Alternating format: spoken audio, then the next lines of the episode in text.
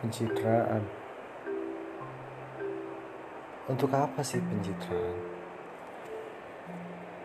Coba deh kita pikir kembali sebelum kita melakukan hal-hal yang sebenarnya tidak berdasarkan reality kita ingin terlihat baik ingin terlihat bagus ingin terlihat ah apalah itu namanya. Tapi apa salahnya untuk menjadi diri sendiri? Coba. Eh coba. Coba ungkapkan pada dunia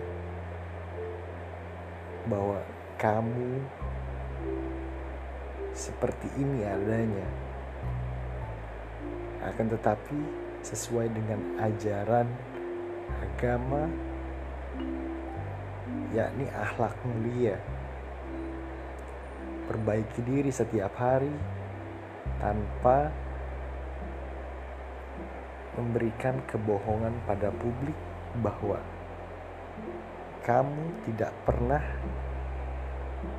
melakukan kesalahan. Jangan pernah memungkiri apa yang terjadi. Setiap manusia punya masa lalu yang bisa saja baik ataupun buruk.